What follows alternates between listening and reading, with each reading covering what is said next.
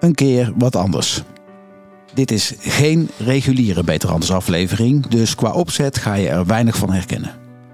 Daarom ook de afwijkende titel en het afwijkende plaatje bij de aflevering. Wat is er aan de hand? Ik merk al een tijdje dat ik met dubbele gevoelens naar Extinction Rebellion kijk. Waar ze voor opstaan, daar sta ik achter. Het is voor een leefbare toekomst nodig dat we in actie komen. Wachten is geen optie meer. Maar wat me tegenhoudt, is het militante beeld dat ik krijg bij sommige acties. Wil ik me daar wel mee vereenzelvigen? Ben ik het niet gewoon wel eens met hun doel, maar niet met hun middel? En toen ik me dat begon te bedenken, precies toen ontdekte ik dat een van de meest vriendelijke, weloverwogen en misschien zelfs wat bedeesde mensen die ik ken, ook bij Extinction zit.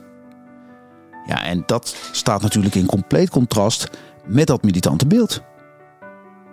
En toen werd het me duidelijk. Ik kan wel vanaf afstand van alles bedenken, maar echt wijzer word ik door het gesprek aan te gaan. Dus dat doe ik. Ik ga een aantal mensen spreken.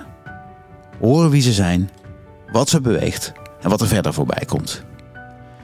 Want ik wil ze beter begrijpen. Daarom deze gesprekken.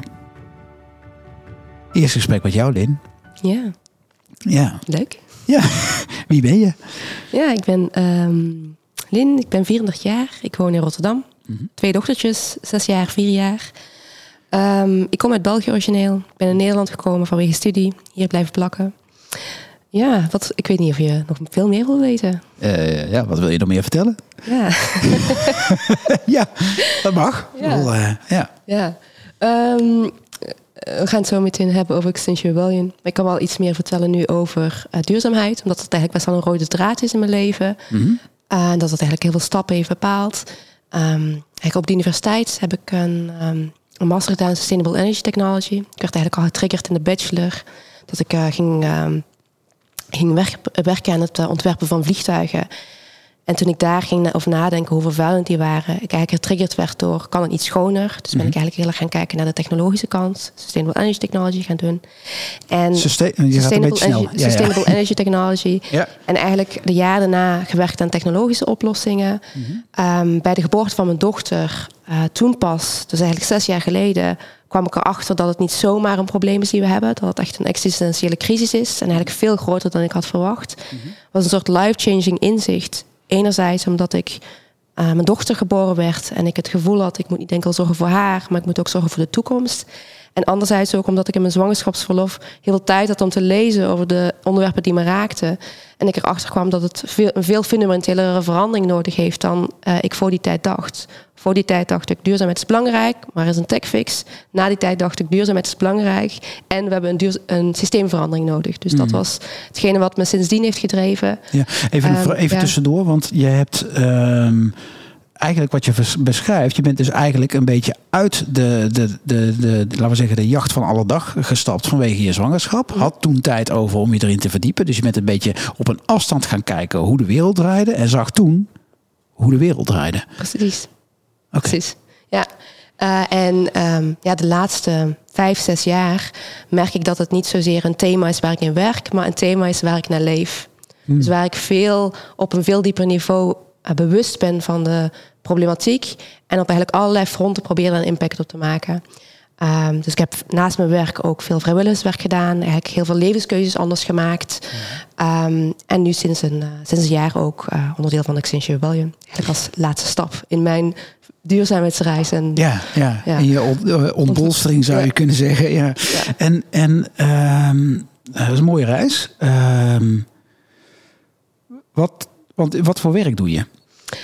Ik werk als adviseur voor gemeenten aan het realiseren van de warmtetransitie. En dat betekent het isoleren en het, van het gas afhalen van gebouwen. De rol die de gemeente daarin heeft. Ja. Ehm, en dat doe ik al eh, sinds vier jaar. Dus eigenlijk de overheid helpen in het implementeren van de klimaatbeleids- en klimaatplannen. Ja.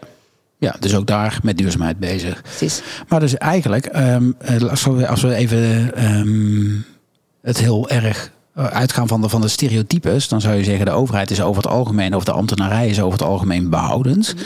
Met de nadruk op eh, over het algemene. Ehm, eh, eerder in deze podcast, of in de Peter Anders podcast heb ik gesproken met een ambtenaar die nou, iets meer aan de grensverleggende kant zit. Ehm, hoe is dat voor jou? Want daar zit je dus wat meer in de behoudende kant. Gaat het dan wel snel genoeg voor je? Of? Nou, dat is misschien precies de reden waarom ik uh, oh. buiten mijn werk uh, de andere kant op zoek. Ja, ja, ja, ja. Omdat ik, uh, ik ben best wel een, ik hou van nadenken over oplossingen. Mhm. Dus ik vind het heel prettig om in mijn dagelijks werk te bouwen aan hoe de wereld er anders uit kan zien. Mhm. um, en dat is ook iets wat ik met heel veel plezier doe. Maar bij mij is hij steeds meer gaan knellen. Um, dat um, nou, ik heel blij ben met het feit dat we een nog steeds niet ambitieus genoeg, maar ambitieuzer dan ooit kabinet hebben mhm. met een klimaatbeleid. Mhm. En dat we stappen zetten in de goede richting. Mhm. Eh, maar dat die stappen nog steeds niet voldoende zijn om de doelen te halen die we moeten halen met z'n allen. En moeten, eh, dat klinkt heel erg, maar ik zeg eigenlijk is het, als je echt weet hoe het zit, dat we met z'n allen willen halen. Want het is zo extreem als we het niet halen. Hoe zit het echt dan? Ja, hoe, hoe zit het echt vrij um, inhoudelijk, inhoudelijk punt? Mhm. Ehm, eh, het klimaatbeleid in Nederland die, uh, is nu 60% reductie in 2030 en uiteindelijk klimaatneutraal in 2050. Mhm. Eh, en dat is al een hele forse ambitie om dat te realiseren. Mm Want dat gaat uit van een paar aannames, namelijk dat er ook sprake is van um, CO2-emissie, zeg dat, het afvangen van CO2. Mhm. Dus eigenlijk het het terugdringen van CO2 door dat uh, met technologie en uh, bossenplanten weer terug te halen. Mhm. Maar de onzekerheidsfactor die daarin zit is zo groot. En dat pad die we daarin doorlopen is uh, zeer onrealistisch. Mm Dus eigenlijk het hele beleid van Nederland en van heel veel andere overheden... die zijn um, gebaseerd op um, een oplossing die nu niet haalbaar lijkt te zijn. Uh, en wat dat betekent, is, is, ja? sorry, is een heel inhoudelijk punt. Ja? Wat dat betekent, is dat eigenlijk wij niet um, ehm, 60% reductie nodig hebben, maar eigenlijk veel forser die reductie nodig hebben van die emissies hmm. om die anderhalve graad temperatuurstijging. Dus die 60% die extreem ambitieus is, is eigenlijk niet haalbaar. Is eigenlijk, is, is, of is, wel haalbaar, maar niet op deze weg waar we op zitten? Nee, is die 60%, dat doel, is aan, uh, dat doel is aan zich niet ambitieus genoeg. Dat is het eerste wat ik zeg. En ten tweede, als je dat doel wilt bereiken, dan heb je beleid nodig en heel goed beleid. En dat beleid nu is, um, heeft wel een ambitie. Ooit, maar niet goed genoeg. Precies, maar heeft, er zijn zoveel beren op de weg die dat beleid niet, um, um, waardoor dat beleid niet goed kan uitgevoerd worden. En daarvan is politieke moed nodig en besluitvorming nodig om die weg vrij te maken. Dus het zit zowel in het stukje ambitie, die eigenlijk wat mij betreft niet fors genoeg is, en beleid wat wat mij betreft te zwak is. Hmm. En, en ja, dat. Oké, want um, ik ga een vraag stellen en ik stel gewoon wat we. Ja, ik, uh, ik weet niet of ik dat duidelijk genoeg bij de intro zijn, maar dit is dus een, een, een, een soort experiment. Want een hele andere, uh, wel ja, fors andere opzet dan wat ik normaal in de podcast doe, maar juist ook om de spontane uh, elkaar leren kennen erin zit. Ik hoor je zeggen, Um, dat de politiek niet hard genoeg gaat. Ik zei daarvoor dat de ambtenarij als behoudend uh, bekend staat. Mijn vraag die opkomt is: zit het probleem bij de ambtenarij of zit het probleem bij de politiek? Ja, dat is een goede vraag. Dat is een goede vraag. Uiteindelijk geloof ik niet dat er één plek is waar een probleem zit. Nee. Dus het is een combinatie van factoren die elkaar in stand houdt. Mm um, dus uh, wat mij betreft zit het probleem in alles en iedereen mm. uh, die de mindset heeft. We, gaan, uh, we, we, we, moeten stap voor stap gaan, mm -hmm. voorzichtig gaan. Um, dat is op zich helemaal prima. Dat is een hele slimme aanpak. Behalve als je niet de tijd hebt om die uh, voorzichtige stap voor stap aanpak te hanteren. Ja. Uh, dus hoe zou jij het doen dan? Want, want, uh, want onvoorzichtige stappen zetten heeft ook zijn risico's. Hè? Het woord ja. zegt het al.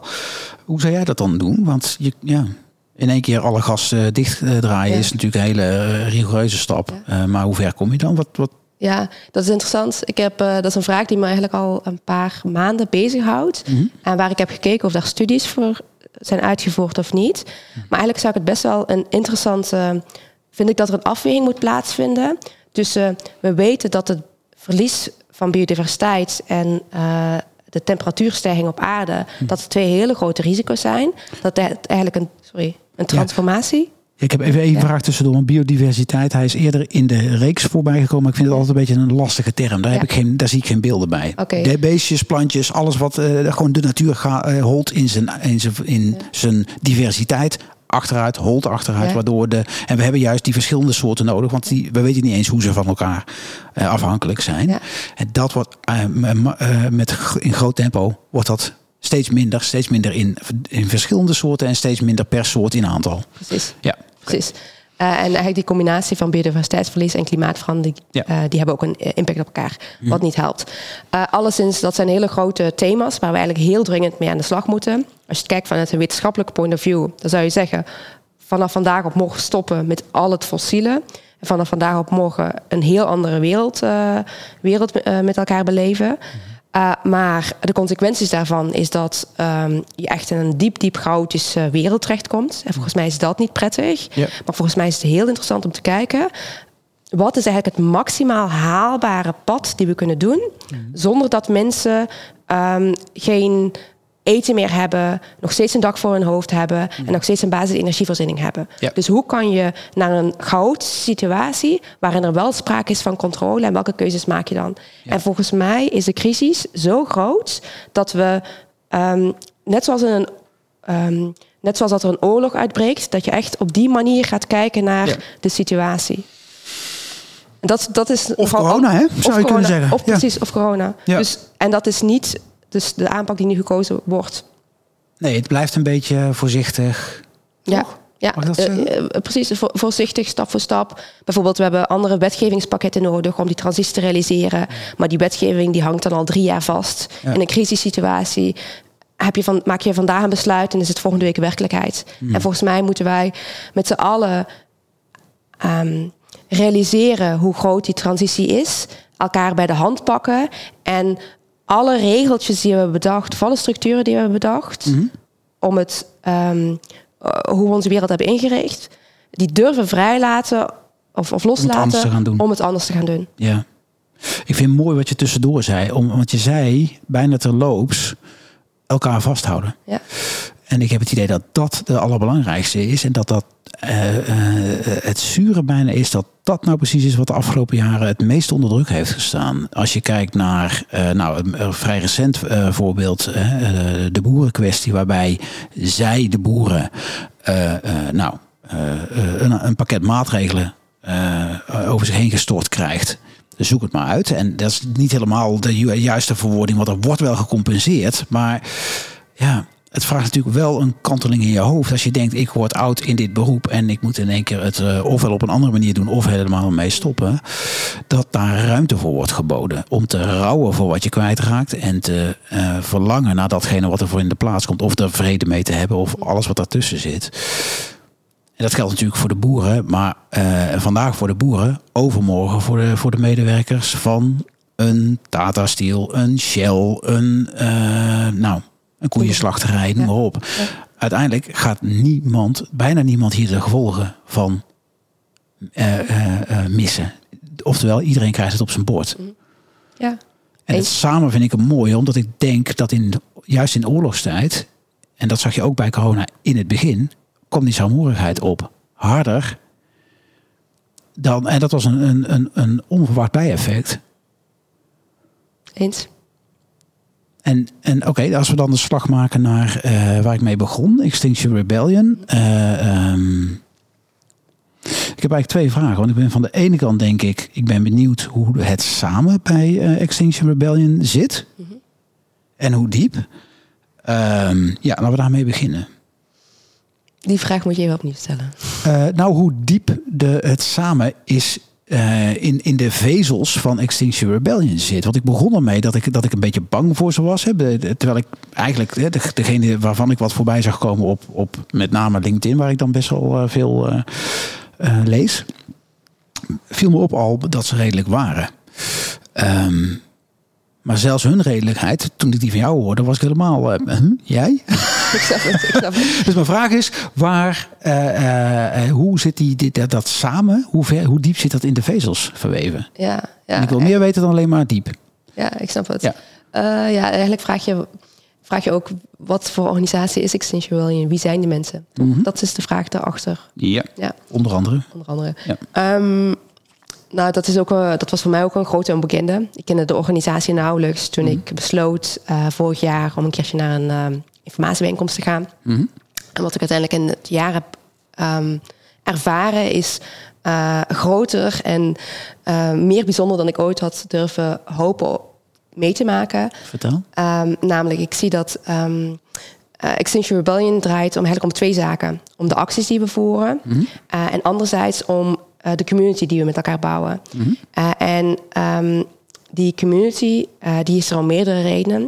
Enerzijds gaan we met elkaar om op een ontzettend liefdevolle, respectvolle, ehm, gelijkwaardige manier. En we hebben ook het organisatiemodel daarvoor en de cultuur waar we op elkaar op aans- aanspreken. Dus eigenlijk op een heel andere manier samenwerken dan het bedrijfsleven, hoe, ik het, hoe het voor mij bekend was. En anderzijds zijn de mensen die, ehm, die zeggen onderdeel te willen worden van Extinction Rebellion, wat- een extreme club is en blijft, die doen dat vanuit een puur altruïsme, vanuit een zorg voor de wereld.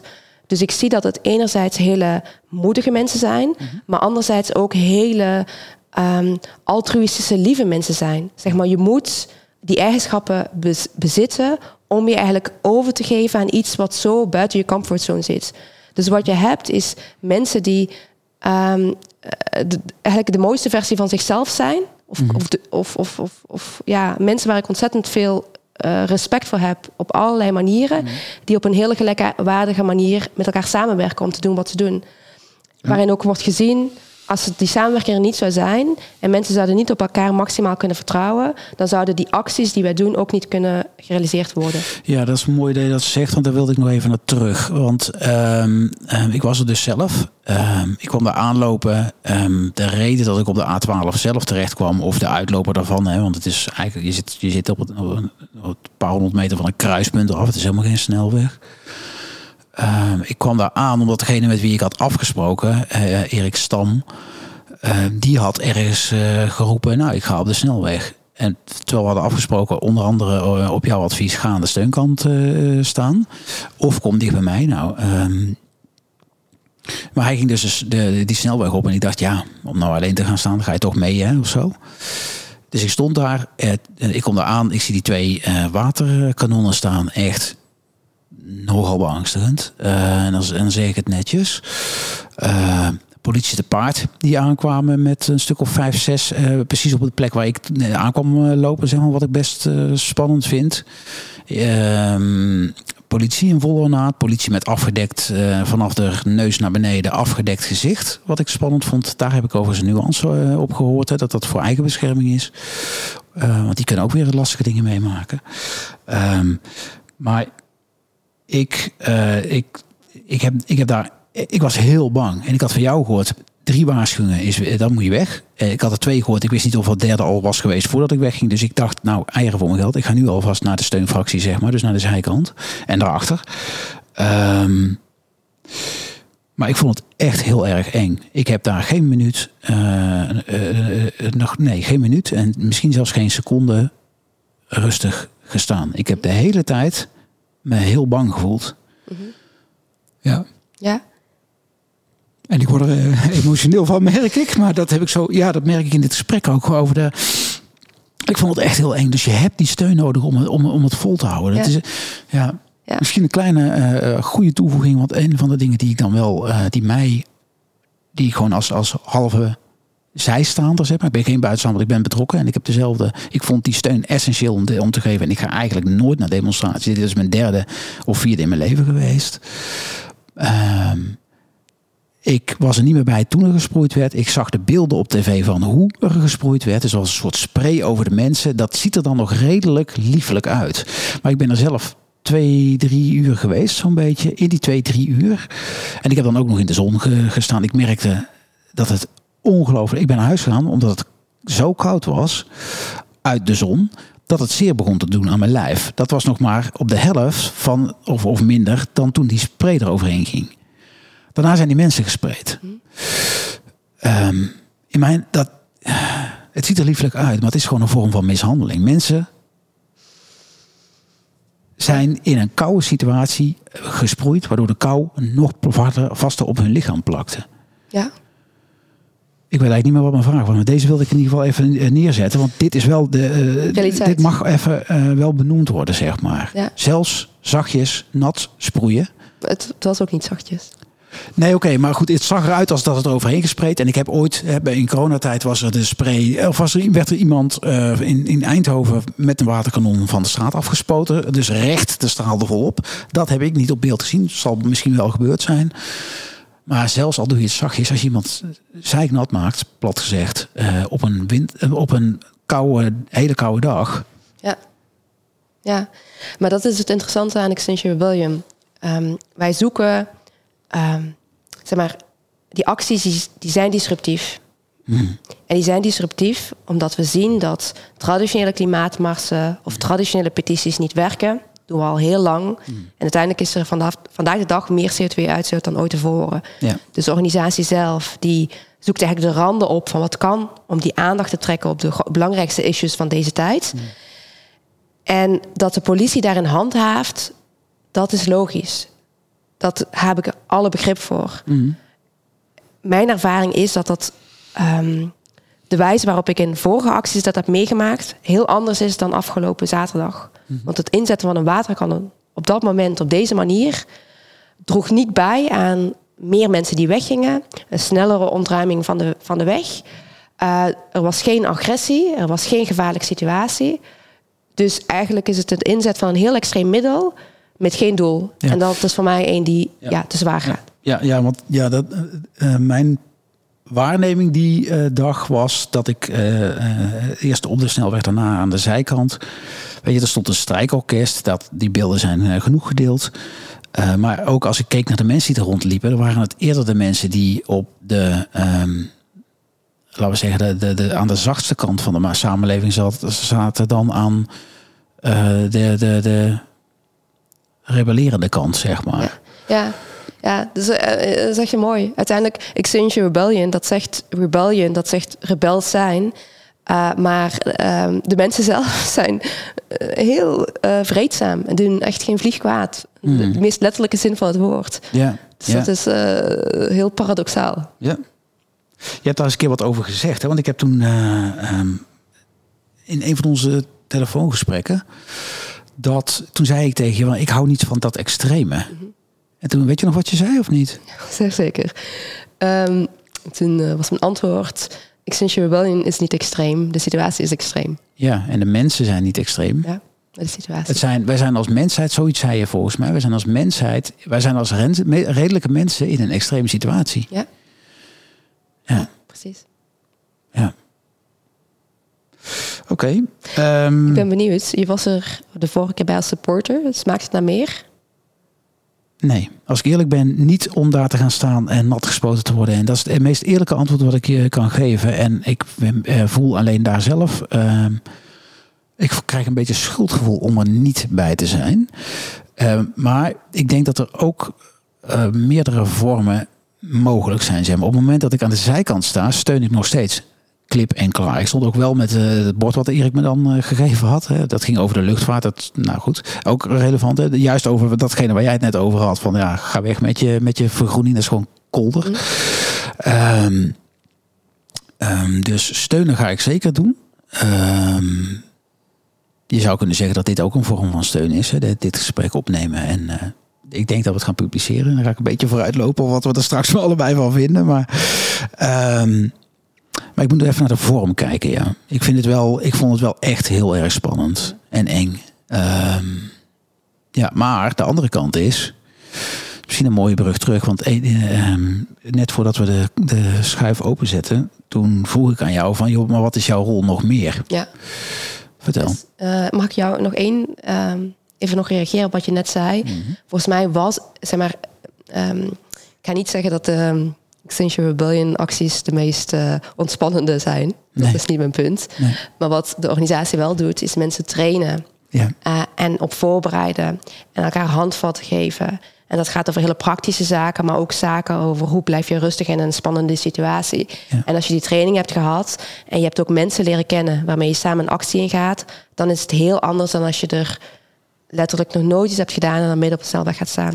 Ja, nou nee, voor jouw beeld. Ik heb dus in, in mijn studententijd, dat is bij mij uh, nog maar twee jaar geleden. Nee, nee, veel langer. Maar um, uh, dat, dat was toen, uh, volgens mij dat iets met de basisbeurs of zo gingen doen waarschijnlijk. En toen ben ik ook naar Den Haag gegaan. Vond ik toen ook belangrijk. Toen was ik 19 of 20 of weet ik wat, jong.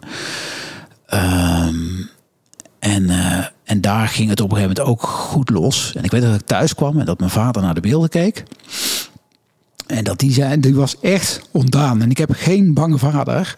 Die was ontdaan van, joh, dat had jij ook kunnen zijn. En er werd ook gewoon met een lange lat echt vol uitgehaald naar studenten. En die had ik nog begrepen, want daar werd ook, dus sommigen gingen daar, ja, die waren iets meer rebel dan fatsoenlijk, zeg maar, in, in, in, in hun gedrag. Ik was ook toen al best wel bang.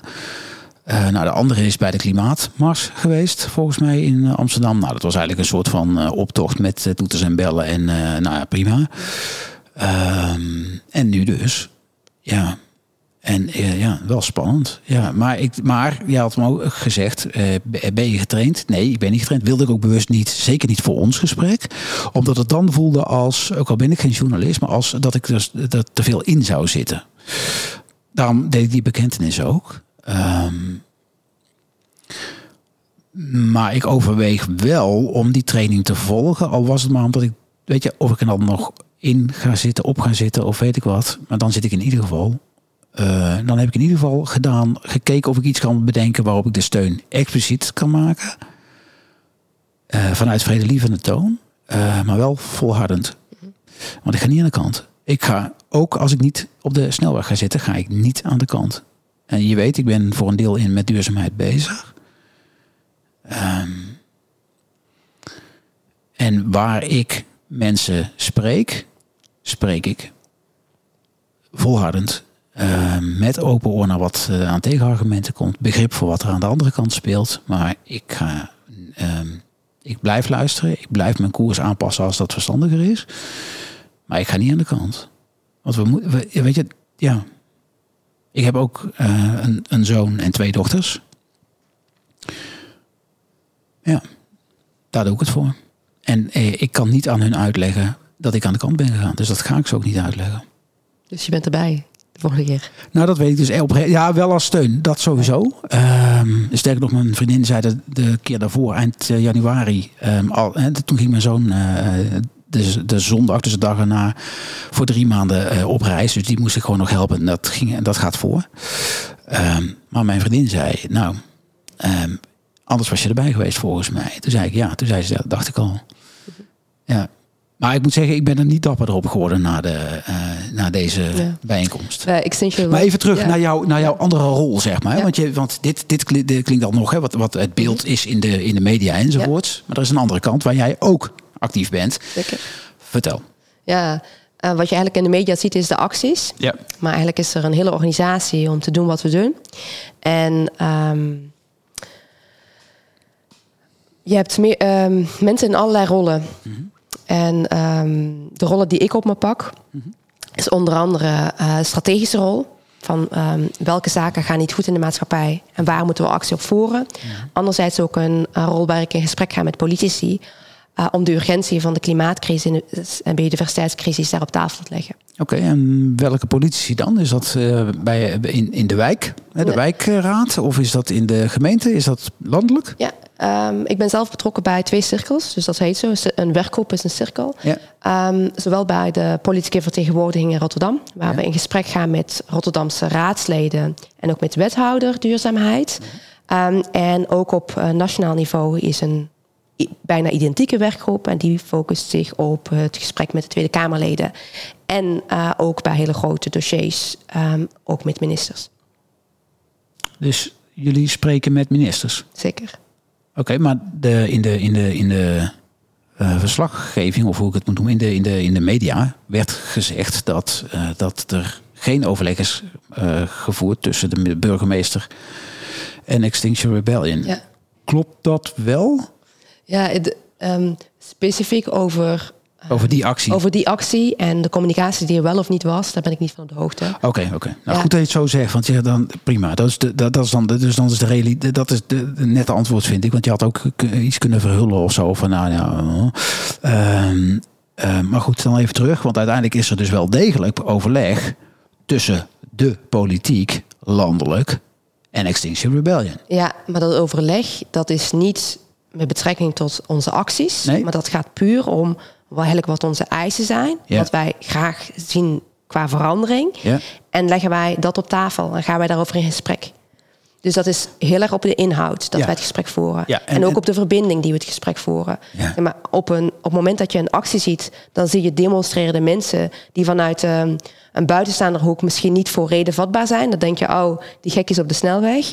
Maar eigenlijk de, de sleutel tot een goed gesprek is altijd ook zelf met een, een, een, een, politieke partij of persoon die heel andere standpunten heeft, is eigenlijk in verbinding dat gesprek voeren en daarbij de argumenten ehm, eh, op tafel leggen. En Ja. vanuit, vanuit dat startpunt kijken eh, waar common ground is en wat er mogelijk ja. kan zijn. Maar die gesprekken zijn er dus. Die gesprekken zijn. Dus, eh, dus jullie zijn gespreksgenoot van meerdere politieke lagen in Nederland. Dat, ja, en dat, dat wij proberen.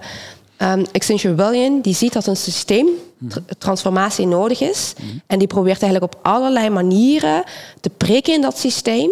Om ervoor te zorgen dat die omwenteling gaat plaatsvinden. Ja. Enerzijds door burgerlijke ongehoorzaamheid. Maar anderzijds ook door bijvoorbeeld in te spreken op een aandeelhoudersvergadering van een grote corporate. Een gesprek met een politieke partij of een politieke persoon die ook een iets kan doen. En dat is zeg maar wat, wat wij proberen te, proberen te realiseren. Ja, eh, want verbinding, hè, dat, dat, dat hoor je nu een paar keer, maar dat zei je ook in het begin. En toen vroeg ik, hoe ver gaat die verbinding? Die, hoe- en, en wat ik bedoelde door te vragen, dat ben ik toen even vergeten in, eh, in, in het gesprek.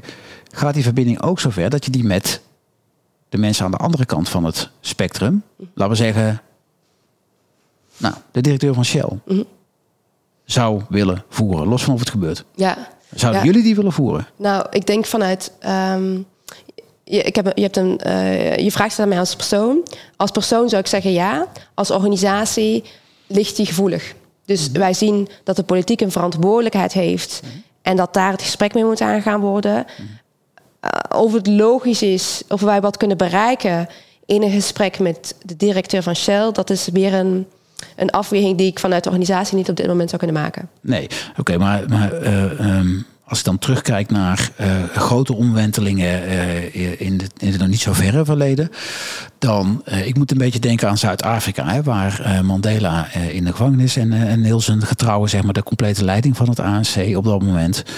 En daar is lang voordat de, de, de, apartheid officieel werd beëindigd, lang voordat hij die, de, de, lange wandeling vanuit zijn, vanuit zijn gevangenis naar zijn vrijheid uh, maakte. Lang daarvoor waren al gesprekken gaande met hem over dat moment. Dus het moment, het, uh, het was al jaren eerder dan dat hij vrijkwam, werd er gewerkt aan zijn vrijlating. Ja, ja. ja ik snap het. Zo klinkt het hier ook. En, dat, en wat, hij, wat hem erg geholpen heeft in die periode. Uh, is dat hij de gesprekken voerde met zijn grootste vijand. Dat hij open gesprekken met en de verbinding zocht met, met alles wat uh, apartheid voor ja. stond. Mooi. Dus dat zou bijna uitnodigen of bemoedigen, als ik dat mag doen, uh, om dat wel te doen. Ja, ik ben. Um, ik zie mijzelf als heel activistisch in mijn standpunten. Mm -hmm. Maar ik vind het heel fijn om de verbinding te leggen met mensen die zien. Er moet wat veranderen, maar ik weet nog niet hoe. Of mm -hmm. ik heb een bepaald ongemak daarin. Om eigenlijk die handreiking te doen en dat gesprek aan te gaan. Ja. Dat is mijn um, standaard houding en hoe ik in het leven sta. Mm. Um, en uh, ja, dus ik uh, noem dat heel erg vanuit mezelf, omdat ik weet dat. Um, Extinction Rebellion bestaat uit iets van een 16.000 mensen. En dat zijn mensen met allerlei verschillende. Ja, daar heb je dus ook een bandbreedte. Ja. Precies, heb je ook een bandbreedte. Dus ik kan niet spreken nee. wat die andere um, 16.000 mensen zouden doen. Nee, nee, snap ik. En uh, dan nog een vraag over de, want je bent met politici dus in gesprek. Voel je je daar ook gehoord? Of is het meer een soort van uh, rituele dans? Nee, om daarna en- lekker de tafel weer schoon te vegen, uh, te ontsmetten waar jij gelopen hebt. Ja, misschien eh, de eerste gesprekken verschillen. Dus niet elk gesprek is hetzelfde. Eh, maar wat ik, ehm, wat ik merk is dat er... Misschien is dat ook wat, wat hoopgevend is. Er is op dit moment geen enkele politicus die waar ik me in de ogen kijk, die kan zeggen: ik ontken het en ik vind dat er geen actie nodig is. Dus iedereen ziet dat er wat moet gebeuren. Ehm, maar wat ik zelf observeer in zo'n gesprek, is dat een, een, politicus wel zegt: natuurlijk, het klimaat is belangrijk en daar moeten we iets aan doen. Maar we moeten ook rekening houden met uh, de arme mensen in de stad. Of met het feit dat onze, dat onze voedselvoorziening niet in. Uh, ja, en daar zit iets heel moois in eigenlijk. Hè? Want dit, dit toont zorgzaamheid. Precies. Dat mag ook uh, worden. Want het, het zou voor, ja, eigenlijk, um, als je me slecht kent, zou je denken: oké, okay, dit, dit past helemaal in zijn straatje. Hij gaat lekker vol op het oor. Maar dit is een hele mooie kant van waarom ze het doen. Overigens, wat in Zuid-Afrika ook gold. Want als jij bestaat bij de gratie van het onderdrukken van anderen en je stopt daarmee, wat, hoe groot is de kans dat je dat, het, dat er revanche wordt genomen. Ja. Daar zat de, de, de, de loopbare weg van, uh, van Mandela. Maar dat, dus dat is best wel interessant, is dat er mm-hmm. uiteindelijk een politicus die stapt in de politiek omdat hij vindt dat er iets moet veranderen of iets uh, dat, hij, dat hij ergens voor staat, wat hij wil verbeteren. Mm-hmm. Dus dat is iets wat een bepaalde. Elke politicus die zit daar met een bepaald idealisme. En Extinction Rebellion zit daar ook met een bepaald idealisme. Mhm. En eigenlijk wat je merkt is dat op de inhoud, op, eigenlijk op de waarde, we niet zo heel veel van elkaar verschillen. Maar dat de urgentie die gemaakt kan worden en het moed wat die politicus wil tonen om daartoe te komen, dat dat echt te vaak mijlenver staat van mm hetgene wat Extinction Rebellion wil. En wat wij proberen in die gesprekken. Mag is die samenvatten als jullie willen harder dan, of, of durven harder uh, dan dat de politicus durft, of misschien wel uit angst uh, om, om de mensen die het moeilijker mee kunnen mee te krijgen. Precies, precies, onder andere. Maar zijn jullie daarmee, want die kun je ook omdraaien. Dan kun je zeggen, ja, Extinction Rebellion is heel erg dapper voor de mensen die het makkelijk kunnen, maar het is heel erg bedreigend voor de mensen die het niet zo makkelijk kunnen. Mm, dat weet ik niet. Dat weet ik niet. Ik kan dat niet zo makkelijk zeggen. Nee, dat is ook een lastige vraag misschien. Ja. Oké, okay. um, nog wel een, een, een ding. Ik zit een beetje te kijken naar de tijd. Want jij, ja, we hebben een kortere tijd omdat je zo weer door moet. Uh, um, een vraag die nog bij me opkwam is... Als je dan, ik zat toen het net over Mandela en zo hadden. Kijk, in die periode was het een risico als was bekend geworden dat hij in gesprek was met de regering. Uh, dat heeft hij ook een tijdje verborgen gehouden, hè, voor zijn, uh, zelfs voor zijn inner circle, hè, waarmee hij in eerste instantie op dat uh, Robben-eiland zat. Um, in hoeverre is het een risico om dit gesprek, wat ik eigenlijk nu al wel denk, dit is echt goed om breder te delen, maar in hoeverre is dat een risico? Haalt dat jullie doelen onderuit? Om te spreken met partijen? Nee, om, als ik dit nu publiceer, waarin je, of we dit publiceren, we besluiten het samen, als dit dan online komt en uh, nou, dan moet er wel uh, een explosie aan bekendheid inkomen, maar dat, nou, goed, dat is prima. Maar dat, dat dan dus het, het, doek afgaat van dat Extinction Rebellion naast wat je op de snelweg zag, ziet met enige regelmaat gebeuren, ook, of niet de snelweg, maar goed, ook gewoon een, een, een, een, een, als gesprekspartner wordt uitgenodigd. Trekt dat het proces misschien onderuit? We zijn daar op dit moment al heel open over. Misschien, oh, misschien niet heel niks. Ja. Nee, nee. Niet heel zichtbaar. Niet heel zichtbaar. Okay. Wel open. Oké, dus dat is geen belemmering. Dat is geen belemmering. Mooi zo. Oké.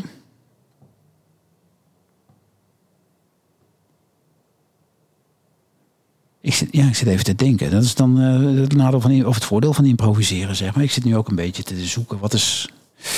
Um, wil jij mij nog wat vragen? Zo makkelijk, hè?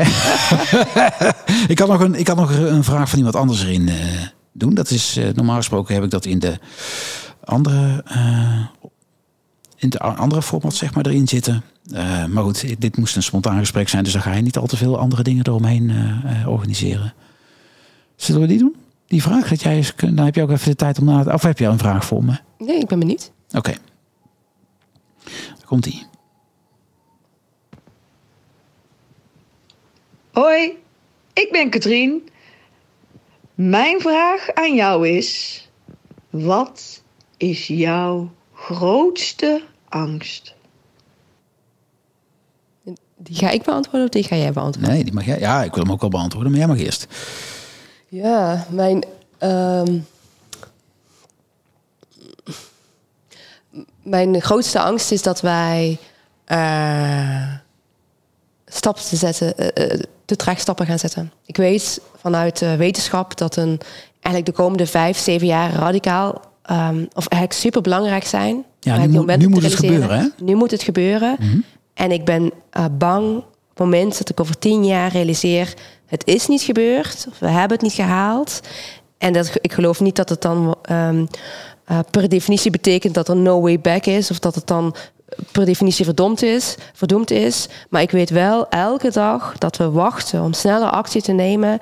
is een dag waar um, wat extra lijden betekent voor iets of iemand nu of in de toekomst. Dus elke dag dat we langer wachten, wordt het, eh, wordt het uh, exponentieel, nou, exponentieel niet, maar wel veel moeilijker dan wanneer we nu al actie zouden nemen. zelfs als dat halve actie is. Precies, en wordt het veel moeilijker en worden de resultaten onvoorspelbaarder en meer risicovol.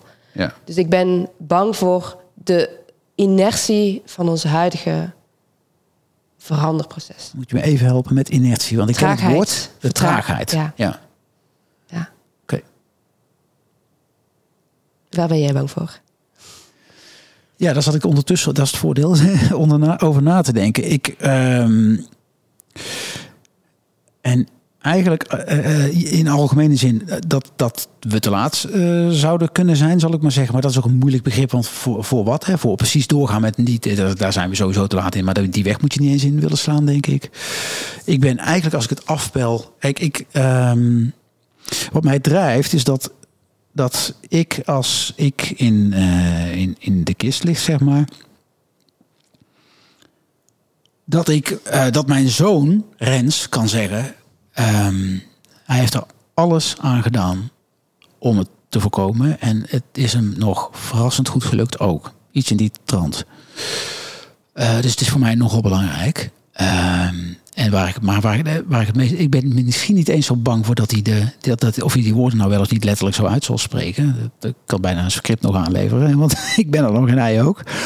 Maar ik ben het allerbangste dat ik eigenlijk in, in de keuzes die ik maak, waar ik mijn tijd aan besteed, niet de juiste keuze maak. Is het de juiste keuze om een podcast op te nemen als die op dit moment niet alle Nederlanders bereikt? bereikt.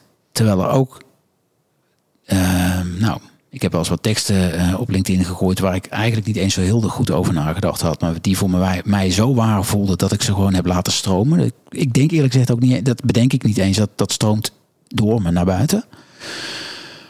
Um, dat ik de verkeerde keus maak. Dus dat ik, daar ben ik het bangste voor, denk ik. Ja, dat ik dus, dat ik, uh, dan ben ik uh, er niet meer en dat dan gezegd kan worden die eikel had gewoon moeten schrijven en niet moeten, moeten podcasten. Ja, ja. Mag ik daarop uh, antwoorden? Ja. ja? Um, wat mij um, misschien wat mij hoop geeft in het geheel, mhm. is het volgende. Um, in onze samenleving denken wij, of zijn we ervan overtuigd, dat je hebt een input en je hebt een meetbare output. En je probeert dat zo efficiënt mogelijk um, in te richten. En uh, dat is hoe je besluiten moet nemen. Maar eigenlijk in de transitie die uh, wij door moeten. Het is super onvoorspelbaar wat er precies tot verandering leidt en welk zaadje weer het volgende kan in gang zetten. Ja. Dus wat dat eigenlijk um, uh, wat, wat, dat betekent, um, is, ik, ik, ik, las onlangs een mooie, een, een mooie, mooie quote. Um, stel dat je 100.000 mensen hebt, hmm. waarvan drie ervan iets doen wat uiteindelijk um, iets is waardoor een grote positieve verandering teweeg kan worden gebracht. Mm. Dat betekent dat de, alle, de rest van die 999.000. Ja, je snapt wat ik bedoel? Die hoop, ja. Die hoop. dat die um, allemaal iets moeten doen opdat die drie mensen succes hebben. Dus je hebt eigenlijk de 100.000 mensen nodig waarvan je weet heel veel van die mensen die gaan niet het succes bereiken. Mm. Maar al hun actie is nodig en al hun creativiteit is nodig en al hun moed is nodig. Opdat uiteindelijk die paar mensen die dingen kunnen doen die echt het verschil maken. Maar je weet niet wat dat is en je weet niet wie dat is. Dus wat dat eigenlijk vraagt is een bepaalde... Um, uh, vanuit een bepaald altruïsme het maximale doen wat jij denkt dat nu goed voelt. Mm. Niet wetende wat er zal gebeuren. Dus het is iets heel ja, uh, onmeetbaar maar dat on, vind ik het vervelende ook. Ja, maar, en dat is de realiteit. Het is hmm. onmeetbaar. Maar op het moment dat jij weet, het ligt niet precies aan mij... Maar het ligt aan heel veel de mensen in deze wereld die precies hetzelfde aan het doen zijn. Waarvan misschien niet ik succesvol ga zijn, maar die anderen wel. Dan kan dat troost geven of kan dat comfort geven. En tegelijkertijd weet jij niet wat jouw gesprekken doen of wat jouw acties doen en wat die weer in gang zetten. Dus het is onderdeel, uh, realiseren dat je onderdeel bent van een schakel van heel, van heel veel mensen, van heel veel acties. Helpt dit? Of dat is alleszins hoe ik, hoe ik het, het, het, het volhoud in een wereld vol misery. Ja, um, ja, ja, vol misery, dat klopt. Um, ik, nou, dat heb je misschien gezien, hè, dat na, afloop, na afloop van de, de dag na de bijeenkomst uh, op de A12 heb ik uh, een tekst geschreven die het andere ook belichtte, zeg maar. Um, want ik zie, ik zag daar opa's, oma's met kleinkinderen, moeders met kleinkinderen. Um, nou, ik ga niet die hele tekst uh, terughalen. Misschien is het wel goed om die eens in de show notes erbij te zetten. Um, maar er zit, ik zie heel veel liefdevolle. Er is, er is heel veel moois in de wereld. En ik zie heel veel verbinding over de verschillen heen. Ik denk zelfs dat er, dat er eigenlijk heel veel is wat ons bindt. En als we ons daarop gaan richten, dat we in no time veel harder gaan. Ja, ik ben het 100% met je eens. Ja. Ik, uh, gisteren vertelde iemand tegen mij dat als je kijkt naar twee mensen die heel andere, op, um, andere um, opvattingen hebben, mm -hmm. dat uiteindelijk op 60% van de thema's ze toch met elkaar kunnen vinden. Ja. En we focussen steeds op die verschillen in plaats van op de dingen waar we het wel over eens zijn en wel door, met elkaar doorheen door kunnen. Ja, en daarom wordt het eigenlijk wel heel mooi. Want waar begon je mee? Dat, het, dat, het, dat, dat, dat de verbinding een belangrijk element is binnen Extinction Rebellion. Um, en dus ik denk ergens, en zonder het te weten, maar dat, dat het grootste wapen misschien wel verbinding is. In dit stuk, zoals de grootste macht in deze wereld. Wij denken geld, liefde is een grotere macht. Dat weet ik zeker. Ja. En als ik het niet zeker weet, dan loop ik er zo hard op dat het klinkt als zeker. ja, is misschien een beetje een rare verwoording, maar ja. Mooi. Ja. Oké. Okay. Um, voor mij is dit een mooi moment. Wat denk jij? Heel goed. Dan gaan we uh, de outro doen. Ga ik even kijken of hij nog even erbij kan doen. Dan klinkt het nog een beetje alsof hij helemaal voorbereid is, wat hij niet zo was. Dankjewel, uh, Lin. Dankjewel.